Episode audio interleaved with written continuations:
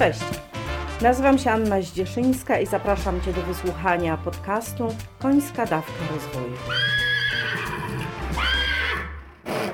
Podcast ten jest o rozwoju i dla osób, które chcą się rozwijać, a konie są bohaterami historii i tłem do pytań, które mogą Ciebie zainspirować do pracy nad sobą. Nigdy nie byłam super dobra w teoriach różnego rodzaju, natomiast bardzo głęboko wierzę w doświadczanie, w działanie, w eksperymentowanie. Nie wierzę, że wystarczy usłyszeć, jak daną rzecz należy zrobić i już się ją umie.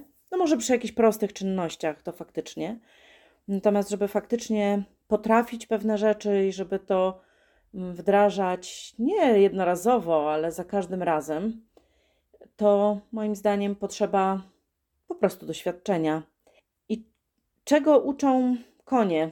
Może podam prosty przykład lążowania konia. Dla tych, którzy są mniej związani z jeździectwem, to powiem, czym jest w ogóle lążowanie i czym jest ląża. Ląża to jest taka e, linka z reguły 8-metrowa, czasem różna jest długość tej linki, którą przyczepia się do kantara, czyli czegoś, co ma na głowie konia albo do ogłowia i prowadzi się konia e, na, na kole, który wyznacza długość tej linki. Do lążowania potrzebny jest też bat, do pokazywania kierunków, do zatrzymywania się, do dawania bodźców, nie do uderzania nim konia. Na czym polega lążowanie? Po prostu przypinasz lążę, wysyłasz konia na koło, koń idzie stępem, jak mu pokazujesz, to idzie kusem, jak mu pokazujesz, to się zatrzymuje albo rusza galopem, w zależności od tego też czego nauczyłeś w międzyczasie konia. I czynność lążowania wydaje się tak prosta, że mam czasami pytania od moich znajomych, którzy wpadają do stajni i mówią: O, daj mi polążować, daj mi polążować. Po czym no, daję tą lążę i daję tego bata, a nie wiedzą dalej, co zrobić. A dodam, że przy spokojnym i dobrze nauczonym koniu to lążowanie faktycznie jest e, proste. Natomiast nawet dla doświadczonej osoby, lążowanie konia, który jest po kontuzji, który długo stał, który jest wyjątkowo podniecony, e, albo w ogóle uczenie konia chodzenia na ląży, jest już faktycznie wyzwaniem.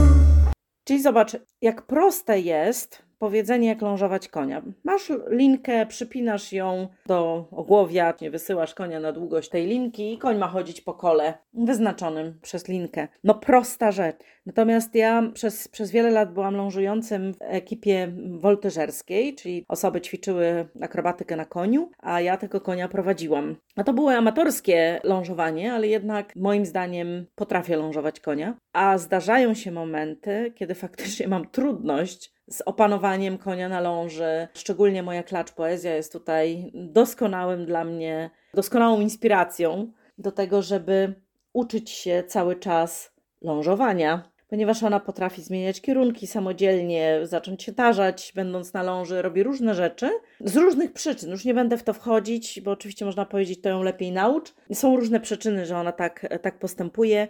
Ja też mogę lążować lepiej. Czyli nauka lążowania polega na doświadczaniu lążowania.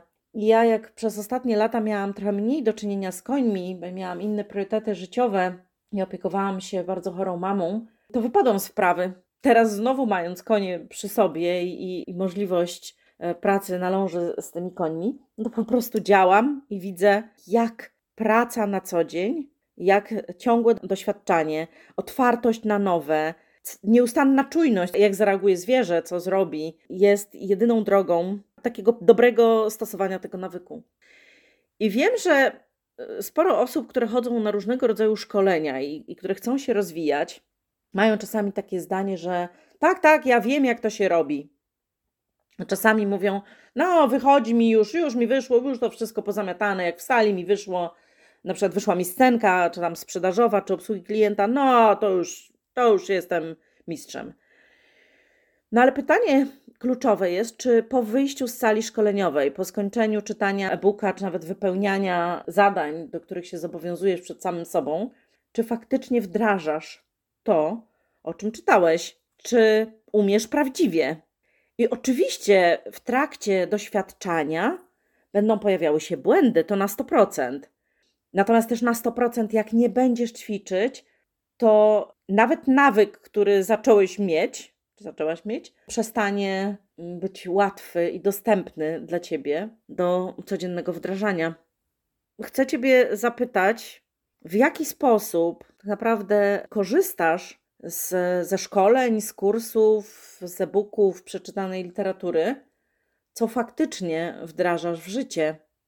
Kiedy ostatnio uczyłaś, uczyłeś się przez robienie czegoś, przez doświadczanie, przez eksperymentowanie, a nie, że założyłaś sobie i założyłeś sobie, że przeczytałam, to już wiem. Jaką rzecz po szkoleniu online, czy poprzez e-booka, czy po szkoleniu w sali wdrażasz obecnie? Na ile sprawdzasz w praktyce to, o czym czytasz, uczysz się w teorii?